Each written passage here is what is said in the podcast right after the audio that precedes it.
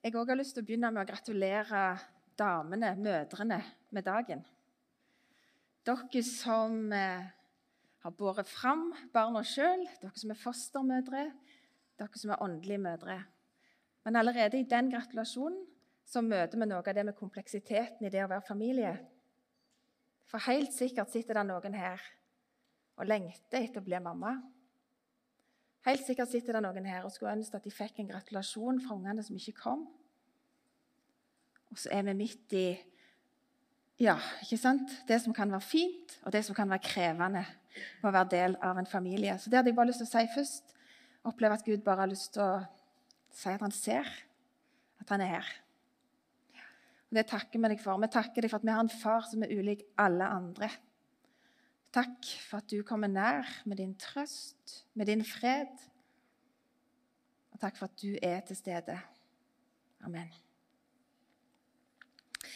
De siste søndagene har det vært snakket mye om det å være til stede. Siste uke så handla det om å være til stede, at Gud er til stede i sitt ord. Det har handla om å være til stede i eget liv, kan man si det sånn, i fellesskapet. Eh, ja, på flere arenaer. Og I dag skal det handle altså om å være til stede i familien. Og når jeg fikk det temaet, så tenkte jeg på to ting. Det ene var min tilstedeværelse, eller vår tilstedeværelse i familien. Og det andre var Guds tilstedeværelse i familien. Hvordan ser det ut? Og Så tok jeg bare den umiddelbare tanken og tenkte ok, da blir det mine to hovedknagger som jeg har lyst til å snakke ut ifra i dag. Eh, og så er jo ikke dette enten-eller. Jeg tenker Dette henger jo sammen. Vi kan være med å påvirke ganske mye. Men jeg tror vi har en utrolig rikdom i det å kunne invitere Jesus med inn i familien, inn i konteksten som vi står i. Den første delen nå, den blir ganske praktisk. Og jeg eh, hadde fått med meg Roar, min mann, på et dramastykke. Det er ikke verst. Og så ringte de fra jobben hans, og han smilte ganske bredt. OK, snakkes. Men se nå for dere, da. Ikke sant? Jeg er hjemme. Jeg er ofte først hjemme av oss. Så kommer Roar hjem. Så hører jeg han, og kommer det akkurat en inn døra, og vi får si det var Roar. Hei, Roar. Så kjekt at du er hjemme. Hvordan har du hatt det i dag? Eh, helt OK. Er middagen ferdig? Ja, vet du hva? Akkurat nå, faktisk. Så du tima det godt. Ah, godt. Jeg er så sulten. OK. Og du som etter liten fugl, velsign med mat av Gud. Amen. Nei! Jeg, sendt, jeg, må bare sende en melding. Jeg må bare fikse Jeg glemte å si noe til Stig om det møtet i morgen. Jeg bare gjør det nå, sånn at det er gjort. Du, Roar, hvordan har du det egentlig? Det virker som du har ganske mye å tenke på på jobb.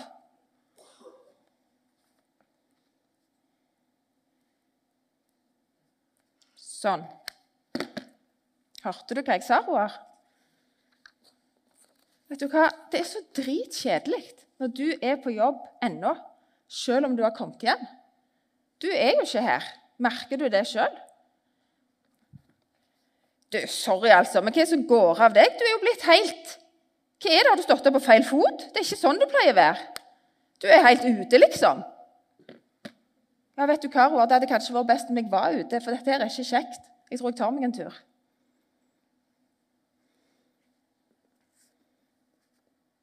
Jeg kommer ikke på noe som gjør at en er så lite til stede i familien som denne. Eller en annen duppeditt.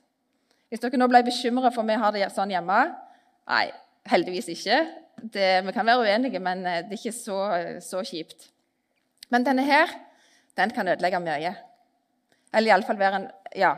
Hvis vi kaller den for en avviser Tenk på det neste gang du tar opp telefonen og bare sier jeg skal bare ta opp avviseren min. Og se om du får lyst til å ta den opp. Kan være det nødvendig, men bare tenk på det. For et par uker siden så satt vi rundt middagsbordet, Roar og meg og uh, ungene.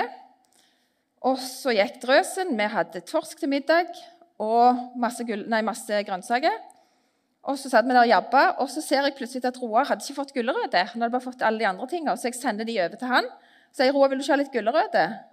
Så ser han på meg så sier han, jeg liker ikke gulrøtter. Og så begynner jeg å le. Hva kom det ifra, sier jeg. Alene, jeg liker ikke kokte gulrøtter. Jeg liker rå gulrøtter. Men kokte gulrøtter det spiser jeg kun fordi vi spiser det som blir servert. Jeg knakk i lott. Vi har vært gift i over 26 år. Og jeg visste ikke at mannen min ikke likte kokte gulrøtter. Er ikke det ganske snålt? Og så har jeg liksom tenkt at ja, vi kjenner hverandre ut og inn. Det er ikke en ting vi ikke vet om hverandre. Og så er vi på det elementære at jeg ikke vet hva han liker av grønnsaker. Da tenkte jeg bare hallo, er ikke det fantastisk? At vi kan få lov til å lære nye ting om hverandre hele veien. Selv om det ikke var helt på dypet. jeg tar den, sant? Men, og da tenker jeg, For å få de der der, så må vi være til stede. Da må vi være til stede for hverandre. Eh, så tenker du gjerne kanskje kom til poenget, da. Eh, men altså, er dere med meg?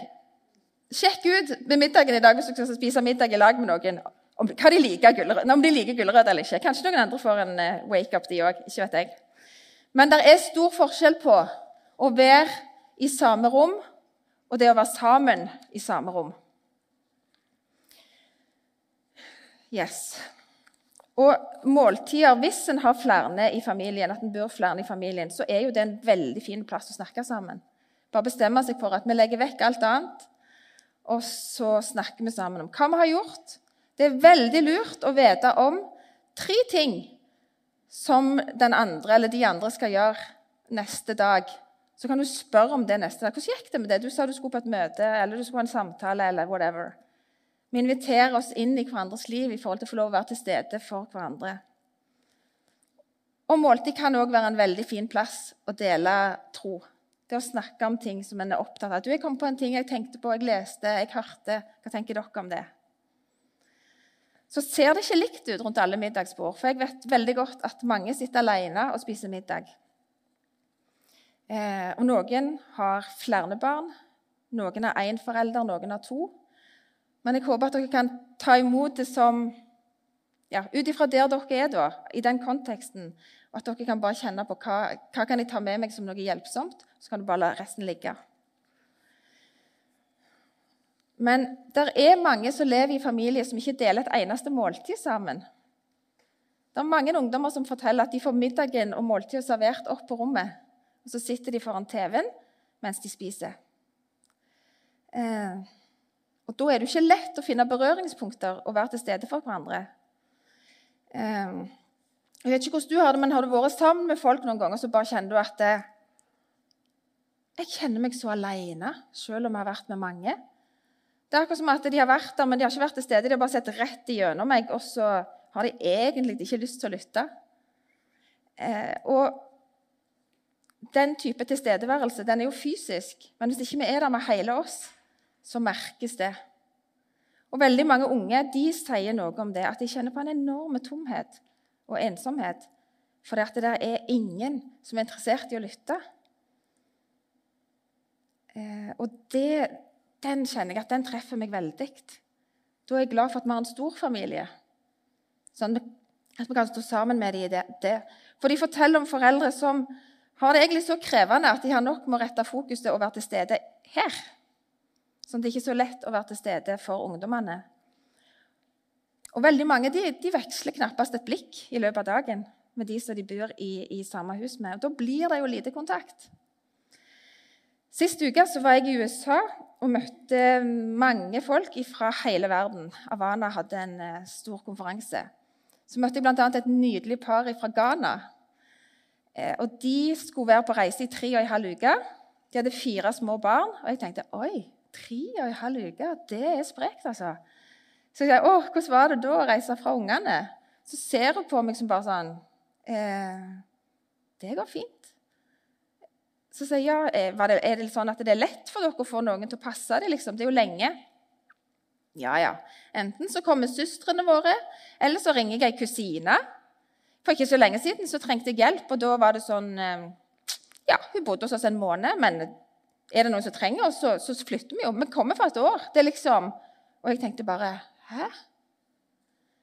Det er ikke helt sånn, eh, det er ikke helt det vi er vant med.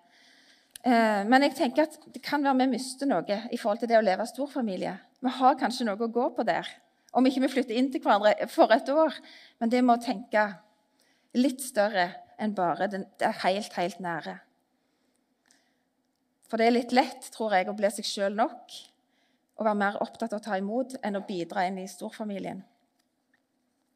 Den beste plassen å lære om tilstedeværelse, det er her. Det er i Bibelen. Gud, han som er allestedsnærværende. Han som har vært helt ifra starten, og som vil være i evighet til stede for oss. Han som sendte Jesus for å være fysisk til stede for oss, og han som har sendt talsmannen, Den hellige ånd, som er til stede, som har tatt bolig i hver den som tror. Og Noe av det fineste jeg synes, kan lese om i Bibelen, det er Jesu modellering av relasjoner. Han er tydelig, han er trygg, han er direkte. Det er nåde, og det er sannhet, og det er ubetinga kjærlighet. Han valgte seg ut de tolv. Så valgte han òg den mindre gruppa. Men når vi leser, så ser vi òg at han hadde hjerte for de han møtte, enten det var enkeltmennesker eller det var folkemengden. Han fikk inderlig medfølelse for dem, står det. ikke sant? Han dekka fysiske behov og spurte hva vil du jeg skal gjøre for deg. Og jeg ønsker virkelig å ikke bare være fysisk til stede, men få lov til å mentalt og med hele meg være til stede for de menneskene som jeg møter. La de få kjenne at det er et blikk de kan få lov til å hvile i. Mm. Og Kan vi lære noe om denne tilstedeværelsen som vi kan ta med oss inn i familien? da? Det tror jeg vi kan. Og Jeg skal ta dere med inn i ei prioriteringsliste som jeg tror kan hjelpe oss å være til stede i familien. Gud, ektefelle, barn, jobb, utvida familie og menighet. Så sitter du kanskje og tenker hva var det slags rekkefølge? Og du trenger ikke være enig i den i det hele tatt. Eh, du, du gjør deg opp en mening sjøl. Men jeg tror at hvis jeg er til stede i disse relasjonene, i den rekkefølgen, så vil det gjøre noe med min tilstedeværelse i familien. Jeg tror det vil gjøre godt, både for meg sjøl, men, men, for familien. Det første det handler ikke om at jeg er medlem på Fredheim, men det handler om min relasjon til Gud. Det handler om den tida der jeg får lov til å lese Guds ord, være i bønn, være i stillhet, bare være sammen med Han. Og jeg tror at hvis Gud får tak i et mammahjerte eller et pappahjerte, så skjer det noe med hele familien, for vi påvirker hverandre. I Ungdom i oppdrag sier, i Familiefokus så sier 'Nytt liv, nye hjem' som er sånn slogan. Og jeg tror det er sant. Når det skjer noe på innsida hos den ene som er med å påvirke de som vi lever sammen med. Og Siden jeg er gift, så står det på min liste da, ektefelle som nummer to. Og Det som jeg tenker er fint med det, det er at eh, jeg vet at Roar, hvis det er noe, så kommer han. Jeg er viktigere enn jobben. Det er veldig sjeldent at jeg har ringt han på jobb og sagt Roar, kan du være så snill å komme. Men de gangene jeg har gjort det, så har han skjønt at jeg trenger han, og da har han kommet. Det gjør noe med min tilstedeværelse. Det gjør noe med det, den følelsen av å være til stede sammen. Eh, og det er trygt. Og jeg tror at vi får lov å være med og modellere den tretvinnetråden òg gjennom dette for ungene. Så er det mange som sier at halve min ungene er jo gift, eh, nei, giftigst. Var ikke det jeg skulle si? Viktigst. De er viktigst. Men for de som er gifte, så tror jeg faktisk at den fineste gaven vi kan gi ungene, er å prioritere ektefelle. For det gir en trygghet. Ja, Men de som er skilt, da? Dere som sitter her og er alene, hva er det jeg står og sier nå? Som ikke orker å være i samme rom gjerne som den du er gift med. Hva med de? Da har jeg lyst til å bare si at det første punktet, relasjonen med Gud, den har vi frihet til å velge alle mann. Og så må vi bare rangere de andre punktene etter der som vi er. Og jeg tenker absolutt at enslige kan gi akkurat samme trygghet og kjærlighet til sine barn. Men livet slenger oss veggimellom noen ganger. Og livet er virkelig ikke for pingler. Så mer enn noe annet så har jeg lyst til å bare formidle Guds tilstedeværelse inn i den familiesituasjonen som du er i. Hans kjærlighet over ditt liv og hans fullkomne nåde. Min fred gir jeg dere, ikke den fred som verden gir. Men ta imot den freden som overgår all forstand inn i din situasjon.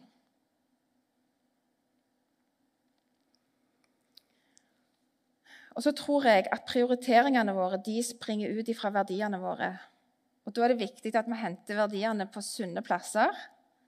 Og igjen så går anbefalingen her til. Er det noen av dere som har tatt fly i det siste?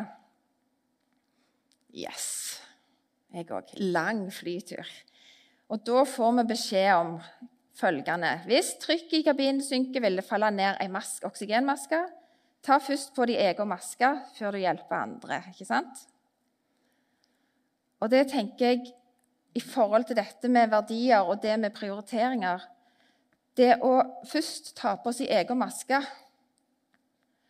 det gjør at vi har noe å gi videre og dele videre. Uh, og så handler ikke det å først skulle tenke på seg sjøl som noe liksom at ja, nå er jeg sykt ego, nå bare handler det om meg. Absolutt ikke. Men vi trenger å modellere i familien at jeg ønsker å begynne her. Og vi trenger å modellere og skape en kultur der vi sier nei til individualisme. Vekk med den 'what's in it for me'-kulturen. Og det som er godt for meg, og det som er sant for meg. Mm -mm. Sannheten finner vi her. Og det er lurt å starte med dette i familien, sånn at vi sjøl får være med og gi gode verdier videre til ungene. Vi er ikke skapt til å være uavhengige skapninger med sånn vanntette skott på hver vårt rom. Vi trenger hverandre. Selvstendighet er bra, det skal vi lære ungene, men Bibelen taler tydelig om viktigheten av relasjoner. Gud så at det ikke var godt for mannen å være alene. Det begynner allerede der. ikke sant? Vi er skapt til fellesskap, og tro staves relasjon. I Romerne så står det om å sette de andre høyere enn seg sjøl. Og i det dobbelte kjærlighetsbudet så står det ikke sant? du skal elske Herren din Gud av hele ditt hjerte og det neste som deg sjøl. Og i disse versene her så tror jeg det ligger veldig mye sunt av verdier å modellere til ungene. Noe av det viktigste vi kan gi dem, gjerne. Være modeller som modellerer Guds ubetinga kjærlighet til dem. Den kjærligheten som elsker både på grunn av og på tross av. Jeg tror at tilstedeværelse hjemme skaper trygghet og skaper sunnhet. Og jeg tror at det gir ungene en opplevelse av å være nettopp elska og prioriterte. At hjemme er den plassen der vi tar oss tid, der vi bryr oss skikkelig om de menneskene rundt oss. Og at de menneskene som vi er definert i familie med, men òg de som vi får lov å invitere inn i vår familie, inn i vårt hjem, de vi får lov å utvide hjertet for. ikke sant? Vi tar med oss de. Og så ønsker vi å være til stede, sånn at vi kan få lov til å legge til rette for sanne og sunne sjølbilder i neste generasjon. Jeg tror at det inviterer til troverdighet, og jeg tror at det er godt, en god plass å få modellert tro. Hjemme, der vi blir elska med en ubetinga kjærlighet. Hjemme, der de har tid til oss. Og jeg tror òg at hvis vi bruker blikkene våre lurt, hvis vi bruker ordene våre lurt, hvis vi prioriterer lurt og er til stede, så tror jeg vi gjør det mye enklere for neste generasjon å få øye på nåden. Vet dere hvor mange timer det er i uka? Noen opp med kalkulatoren, og noen vet det. 168. En av disse timene så er ungene kanskje i barnekirka. De av dere som har barn, ikke sant? Men det er veldig mange timer igjen i løpet av ei uke. Og det gjør hjemme til en vanvittig flott arena til å kunne snakke om tro, snakke om tvil, snakke om det vi ikke får til, snakke om hva gaver en har, det å modellere tro og det å gi det videre.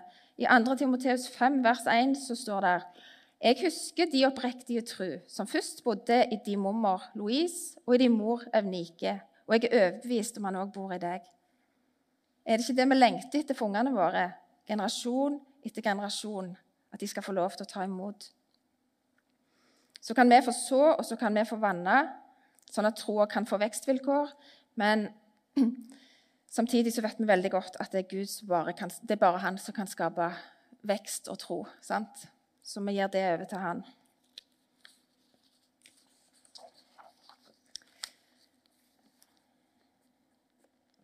Vitenskap har vel egentlig ganske greit bevist at gresset er grønnest der som vi vatner det. Og da er det viktig å vatne i familien først. Hos de du bor sammen med, eller de som du bryr deg om, som du har nærest på deg. Og jeg tror at vi vatner med å være til stede.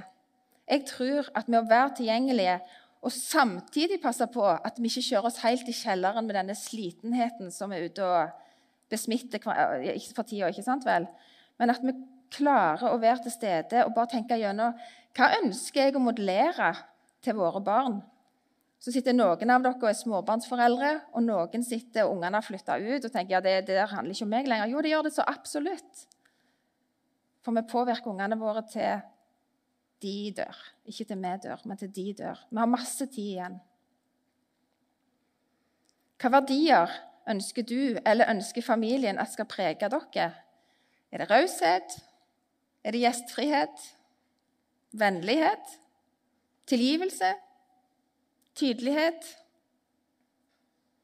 Det som er viktig, i alle fall å tenke gjennom det, for det vi vet Denne setningen har dere hørt før, mange. Men våre, van nei, våre vaner blir våre barns verdier. De ser på hva vi gjør, de ser på hva vi prioriterer, og hva vi gir fokus til. Mye mer enn de hører på ordene våre. Så er det livet vårt som snakker om verdiene våre og prioriteringene. Vi skal rusle litt videre. Guds tilstedeværelse i familien. Hver sommer har vi reist på familieleir eh, i over, ja, over, 20 år. Og For en del år siden så satt vi i sånn familiegruppe. Da skal en snakke sammen i, i, kjernefamilien. Og Så hadde vi fått noen utfordringer, og så skulle vi lage en familievisjon. Og så ble vi enige om at vi ønsker å ha som overskrift for vår familie 'Jeg og mitt hus, vi vil tjene Herren'. Og det høres jo veldig fint ut. Og så snakket vi om at da skulle vi hatt det på et bilde, eller et eller annet, sånn at vi kan liksom minne oss sjøl på det, og at det kan være noe som, som, vi ønsker å holde høyt. Og så sier en av ungene ja, men kan vi ikke bare male det heller? Vi kan jo bare male det på veggen. Og så så meg og mannen min på hverandre, og så tenkte vi ja, kan du det? Ja, ja, sier han. Ja, det kan dere. Dere kan få lov å male det i gangen. Det, det er greit. Dere skal få gjøre det. Og så ser de på oss på likt alle, og så bare sånn eh, vi mente ikke inne, vi mente ute. Og da sank eh, frimodigheten til herr og fru Orterøen, skal jeg love dere. Yes.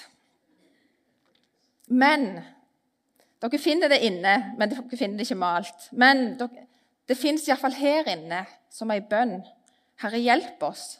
Hjelp oss som familie, for vi trenger deg. Vi ønsker å tjene deg med våre liv og med familien og med de gavene du har gitt oss. Men vi klarer det ikke uten deg.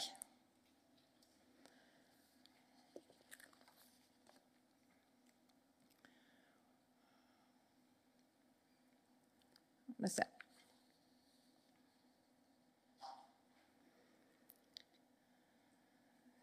Nå jeg hoppet litt her, så jeg skal bare hoppe tilbake.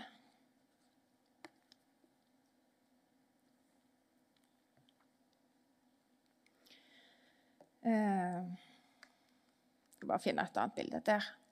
Snakk, her står det Speak to your children as if they are the wisest, kindest, most beautiful and magical humans on earth. For what they, will, what they believe is what they will become. Jeg tror på at ord skaper.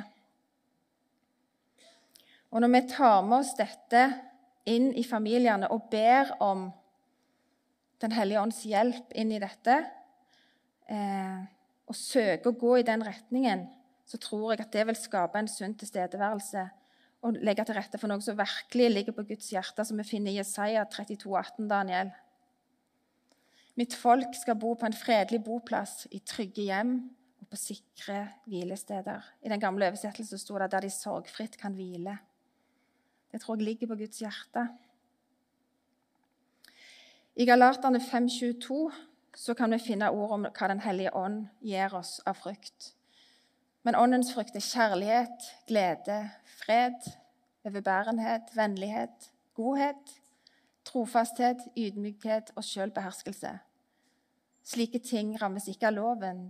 De som hører Herre Kristus til, har korsfestet kjøttet med dets lidenskaper og begjær. Lever vi i Ånden, så la oss også vandre i Ånden. Dette er gaver som blir gitt oss, og samtidig så tror jeg at vi kan ha fokus på det å søke mer av noe. Eh, og jeg tror at hjem som er bærere av åndens frukt, er en god plass å være. Når jeg kom i dag på Fredheim, så kommer der en dansende og smilende og åpner døra. Arve, vet du. Jeg føler meg så, altså Det er så gjestfritt. ikke sant? Der kommer han og bare tar imot. Og Så kommer jeg inn og så møter jeg blikket til Åsvei. Det er et godt blikk å hvile i. Det er så fredfullt. Det er lett å være til stede der åndens frukt får lov til å ha gode vekstvilkår. Og så har dere kanskje òg vært med og opplevd det motsatte. Har dere møtt noen sånne mennesker som dere tenkte var veldig, hun var litt streng eller litt avvisende? Er det lov å si det? Jeg har tenkt det iallfall. Og så blir jeg litt sånn usikker. Er det meg? Uff, var det jeg som sa noe, gjorde noe? Og, og det kan godt være. Noen ganger så er det det, og noen ganger så tror jeg det handler om at såra mennesker sårer andre. En er ikke klar over hva en gjør videre i kommunikasjonen.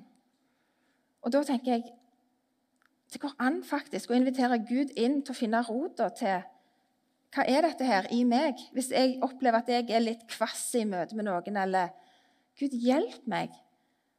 Gi meg lys over hva, hva som endre, kan endres for at folk kan oppleve å bli møtt med vennlighet. Så står det 'Lever vi i ånden, så la oss òg vandre i ånden'. Jeg tenker at ah, dette her er jo en, er ikke dette en livsstil, da, folkens? Det å gå med Gud. Vi vandrer, og så får vi se mer, og så får vi erfare mer, og så har vi et ønske om å bli mer lik Han. Men hvis ungene og de voksne som vi er omgitt av, får lov til å erfare disse fruktene, hva kan det føre til? For de sjøl og for ungene. Jeg tror at de vil oppleve å være mer til stede i sitt liv òg. Og når vi er mer til stede i eget liv, så er det sykt mye lettere å være til stede for andre. Fordi at en har fått med seg et fundament av trygghet og fellesskap. Og Har vi fokus på disse tingene, så tenker jeg at da bygger vi på fjell. I Matteus 7 så, så finner vi kjente ord. Vær den som hører disse mine ord og gjør det de sier, ligner en klok mann som bygde huset sitt på fjell. Regnet styrta, elvene flomma, vindene blåste og slo mot huset. Men det falt ikke, for det var bygd på fjell. Så står det litt mer. Men ordet, fjell, nei, ordet hus På gresk så er det hushold. Og det, hvis det vi setter hushold, tenker familie Hvis vi da leser det en gang til og bruker det ordet Vær den som hører disse mine ord og gjør det de sier, ligner en klok mann som bygde familien sin på fjell. Regnet styrta, elvene flomma og vindene blåste og slo mot familien, men det falt ikke, for det var bygd på fjell. Så vet jeg at dette òg kan være vanskelig å høre hvis en har det slitsomt hjemme. Men jeg har et inderlig ønske om å formidle at Guds ord har det vi trenger av trøst og hjelp til både de gode dagene til de krevende dagene. Når stormen kommer, for den kommer, så har vi noe som er større enn oss sjøl, noe som holder oss oppe, og noe som bærer, og et fellesskap i storfamilien som står sammen med oss. Og hva er det vi gjør når vi inviterer, nei, inviterer Jesus inn i familien? Vi bygger på fjell, sant? Det er det vi ønsker. Å bygge på fjell. Betyr det at alt ordner seg? Nei, Nei, nei. Men det betyr at vi får en retning for livet. Det betyr at vi får noe større å leve for. Og det betyr at vi har en som er med oss, og som alltid er til stede. Både med nåde, med trøst, med nye krefter, og når drømmene eller håpene våre brister. Jeg er med dere alle dager, han lovte. Alle dager, alle slags dager. Det er løftet. I ordspråkene 4, vers 25 og 26 så finner vi vers som minner oss på hvilken retning vi skal se. Og det er ikke bakover, bare hør. Ha øynene rettet framover. Fest blikket på det som ligger foran deg. Legg merke til de spor du skal følge, og hold hele veien stø kurs. Det som ligger bak oss, det kan vi dessverre gjøre veldig lite med, annet enn å velge hvordan vi skal forholde oss til det. Men det som ligger foran, det har vi muligheten til å velge litt inn i og feste litt grep om. Og så har jeg òg et inderlig ønske om at Fredheim skal kunne oppleves som en stor familie som tar imot hverandre når det stormer.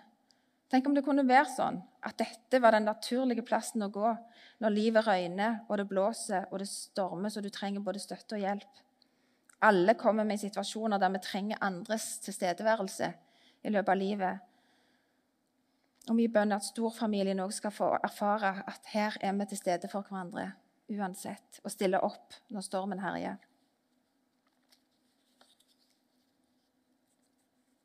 Jeg skal snart gå inn for landing. Jeg og mitt hus, vi vil tjene Herren.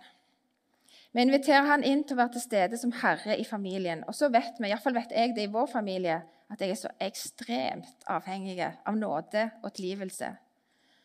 Men det å ta i bruk denne tilgivelsen som vi får da, det gjør jo at vi får lov til å leve ekte. Og det gir oss òg en frihet til å leve framover og være frimodige, selv om vi er så langt unna perfekte. Så tenker jeg at det er det ekte, og det er det uperfekte som lukter sant, som lukter sannhet.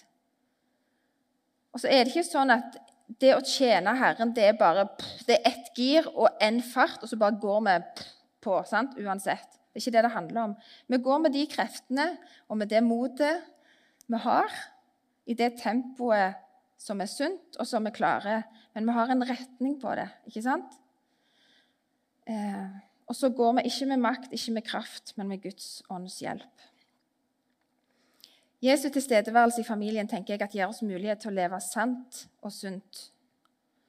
Leve ekte, be om tilgivelse og, vise at vi har, og vite det at vi har en som hjelper oss i gode og vanskelige dager.